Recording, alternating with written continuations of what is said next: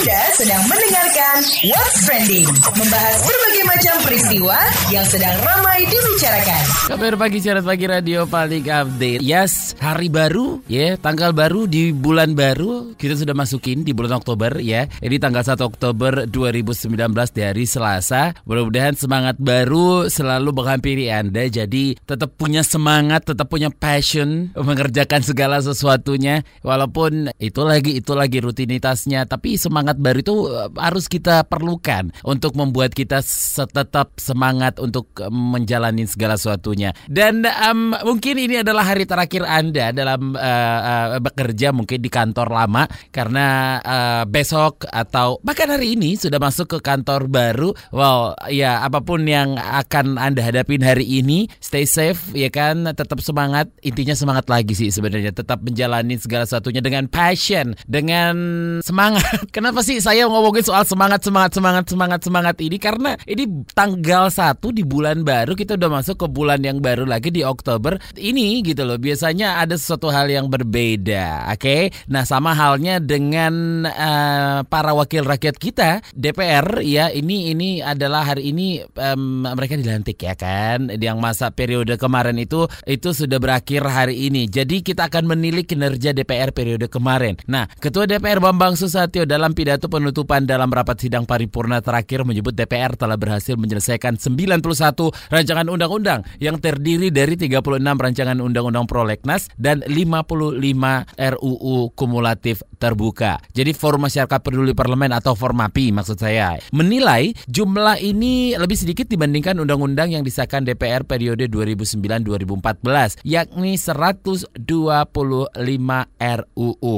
Nah, sementara itu Wakil Ketua DPR Fahri Hamzah menilai para anggota dewan telah bekerja keras untuk bisa menghasilkan undang-undang yang berkualitas. Fahri menambahkan dirinya merasa pemerintah ke depan mesti terus mempererat hubungan antara eksekutif dan legislatif sehingga produk undang-undang bersama yang dihasilkan bisa maksimal dan bermanfaat. Nanti kita akan mendengarkan pernyataan dari Wakil Ketua DPR Fahri Hamzah di hadapan awak media kemarin dan juga akan kita bahas lebih lanjut dengan peneliti Forum Masyarakat Peduli Parlemen atau Formapi Lucius Karus. Mengutip tweetan Anda dari Twitter dari @abilmodele yang bilang apa yang dievaluasi? Mereka kerja apa kemarin-kemarin? Kenapa pas mau pergi baru sok sibuk Nah, terjaga dari Ed Guru Nagara yang bilang demokrasi itu kuantitas, bukan kualitas. Kamu lagi dengerin What's Trending KBR Pagi. Masih di What's Trending KBR pagi bersama Don Brady. Ya kita lagi ngobrolin soal menilai kinerja DPR periode kemarin. Nah, Wakil Ketua DPR Fahri Hamzah menyebut dua faktor utama yang menyebabkan minimnya pengesahan rancangan undang-undang atau RRU menjadi undang-undang di DPR periode 2014-2019. Menurut Fahri, dua faktor tersebut adalah pembahasan yang dilakukan bersama pemerintah kerap menjadi batu sandungan DPR serta adanya kerusuhan saat menit-menit terakhir masa jabatan DPR. Kata Fahri, Fahri, dua hal tersebut menjadikan beberapa RUU yang mestinya disahkan akhirnya batal di saat-saat terakhir. RUU itu sebenarnya hampir ada 10 yang terakhir kan mau disahkan tapi kan oleh pemerintah dan oleh masyarakat kan ditolak. Itulah yang saya bilang. RUU itu di Indonesia itu punya dua masalah. Satu karena pembahasannya bersama pemerintah. Pemerintah sering menjadi menjadi bagian dari masalah ya kan. Misalnya nih kalau kita bilang eh, apa KUHP kan karena pemerintah kan sosialisasinya tidak masif. Ya sebenarnya nggak bisa disalahkan pemerintah juga. Masa 15 tahun kita nggak paham juga bahwa ini sudah disosialisasikan. Tapi RUU di Indonesia ini punya masalah karena dibahas bersama pemerintah. Kalau itu menjadi kinerja DPR saja, tentu kita bisa nyalakan DPR. Tapi kan ini kan kerja bersama. Yang satu itu satu. Yang kedua ya kita lihatlah ada apa last minute uh, disruption kayak begini begitu ya apa DPR dan pemerintah mendengar akhirnya ditunda. Jadi eh, undang-undang tuh kadang-kadang ada yang disahkan, ada yang dibatalkan, ada yang ditunda. Semua tuh politik. Jadi nggak bisa kemudian kinerjanya dihitung dengan begituan gitu loh. Makanya tolong teman-teman ke depan kalau kita mau DP, apa namanya uh, demokrasi kita lebih baik, bukan kita menilai DPR dengan cara seperti ini. Biarkan DPR tuh punya dapil yang lebih kecil supaya rakyatnya lah yang apa namanya pemilihnya lah yang mengontrol anggota dewan sehingga dia nggak dipilih lagi kalau memang kinerjanya dipantau oleh daerah pemilihannya nggak bagus. Tapi begitu orang sudah dipilih, kasih dia kelebihan dan apa keutamaan. Itu sebenarnya demokrasi kita. Jadi jangan dipotong di ujung. Udah bahas undang-undang belasan tahun masih kita nggak ngerti juga. Dan kita nolak bukan karena undang-undang itu bermasalah, karena kitanya nggak ngerti. Itu kan sayang sekali sebenarnya. Nah, itu tadi pernyataan Wakil Ketua DPR Fahri Hamzah di hadapan awak media. Kamu lagi dengerin What's Trending KBR Pagi. Kita lanjut ngobrolin soal menilai kinerja DPR periode kemarin. Jadi Forum Masyarakat Peduli Parlemen atau Formapi, Formapi ya, menyoroti kinerja DPR periode 2009-2014. Menurut peneliti Forum Masyarakat Peduli Parlemen atau Formapi Lucius Karus, banyaknya rancangan undang-undang atau RUU prioritas yang tidak bisa direalisasikan membuat kinerja DPR periode kemarin itu dinilai buruk. Padahal berbagai fasilitas yang menunjang kinerja mereka telah diterima. Kita bahas bareng peneliti Forum Masyarakat Peduli Parlemen atau Formapi Lucius Karus. Mengapa Formapi menilai kinerja DPR kemarin buruk nih Pak? Uh, bikin peringkat terburuk itu sih minimal dibandingkan dengan DPR dua DPR periode sebelumnya gitu ya. Sebelum 2014-2019 ini kami menemukan perbandingan hasil kinerja yang cukup signifikan gitu ya Misalnya yang paling mudah hasil undang-undang dari daftar prolegnas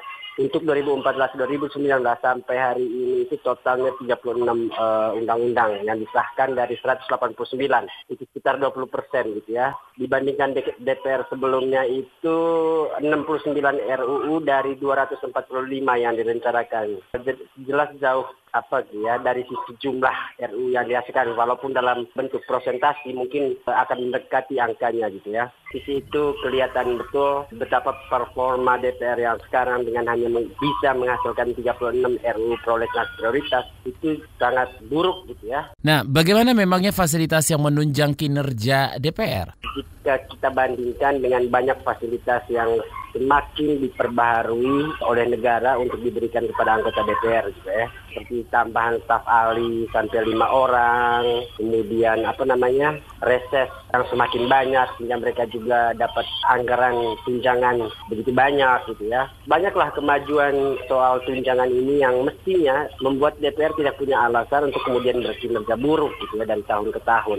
Oke, seperti apa ketika lebih dari separuhnya akan menjabat kembali di periode berikut? Ada lebih lebih dari separuh anggota DPR lama kembali kembali menang ya masuk parlemen untuk 2019-2024 gitu. Saya kira faktor ini saja sudah membuat kita sedikit kehilangan harapan akan DPR yang baru dengan perubahan yang baru di 2019-2024. Apalagi, dan ini yang paling penting saya kira gitu ya, wajah partai politik yang kemudian memiliki kursi di parlemen masih wajah partai politik lama. Dengan diri pragmatisme partai yang nampaknya belum berubah, juga oligarki partai yang membuat partai hanya terpusat pada satu orang atau satu dinasti, eh, jelas berapapun komposisi anggota DPR yang baru ataupun yang lama, itu tidak akan berpengaruh signifikan signifikan untuk membawa perubahan signifikan bagi DPR karena oligarki partai politik ini membuat keputusan apa pun yang akan diambil oleh DPR sebagai lembaga itu tidak pernah lepas dari keinginan partai-partai politik ini. Nah, Pak Lusius, bagaimana dengan alasan DPR yang bilang bahwa jumlah undang-undang terrealisasi juga dipengaruhi pemerintah? Itu ngeles yang selalu muncul gitu ya, pembelaan diri di hadapan fakta buruknya kinerja mereka. Betul memang ada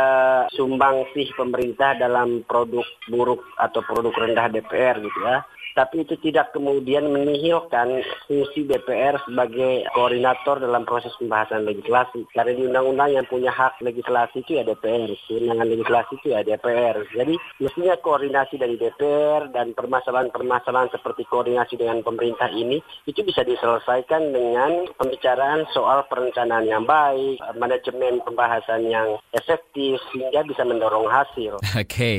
terima kasih Lucius Karus dari peneliti Forum Masyarakat Masyarakat Peduli Parlemen atau Formapi. Penasaran sama komentar Miss KBR? Ini dia Miss KBR. Eh, eh, eh, masa ya salah seorang anggota DPR bilang kalau kinerja DPR yang baru purna itu luar biasa? luar biasanya pakai banget. Bikin undang-undangnya aja hati-hati banget. Makanya dikit banget yang disahkan.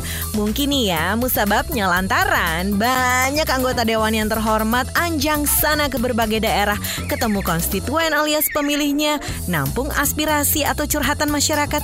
Aduh suka deh kalau perhatian gitu. Makanya jangan heran atau ruang paripurna itu sepi ya. Bahkan nama muncul di absensi tanpa presensi. Goib kali ya.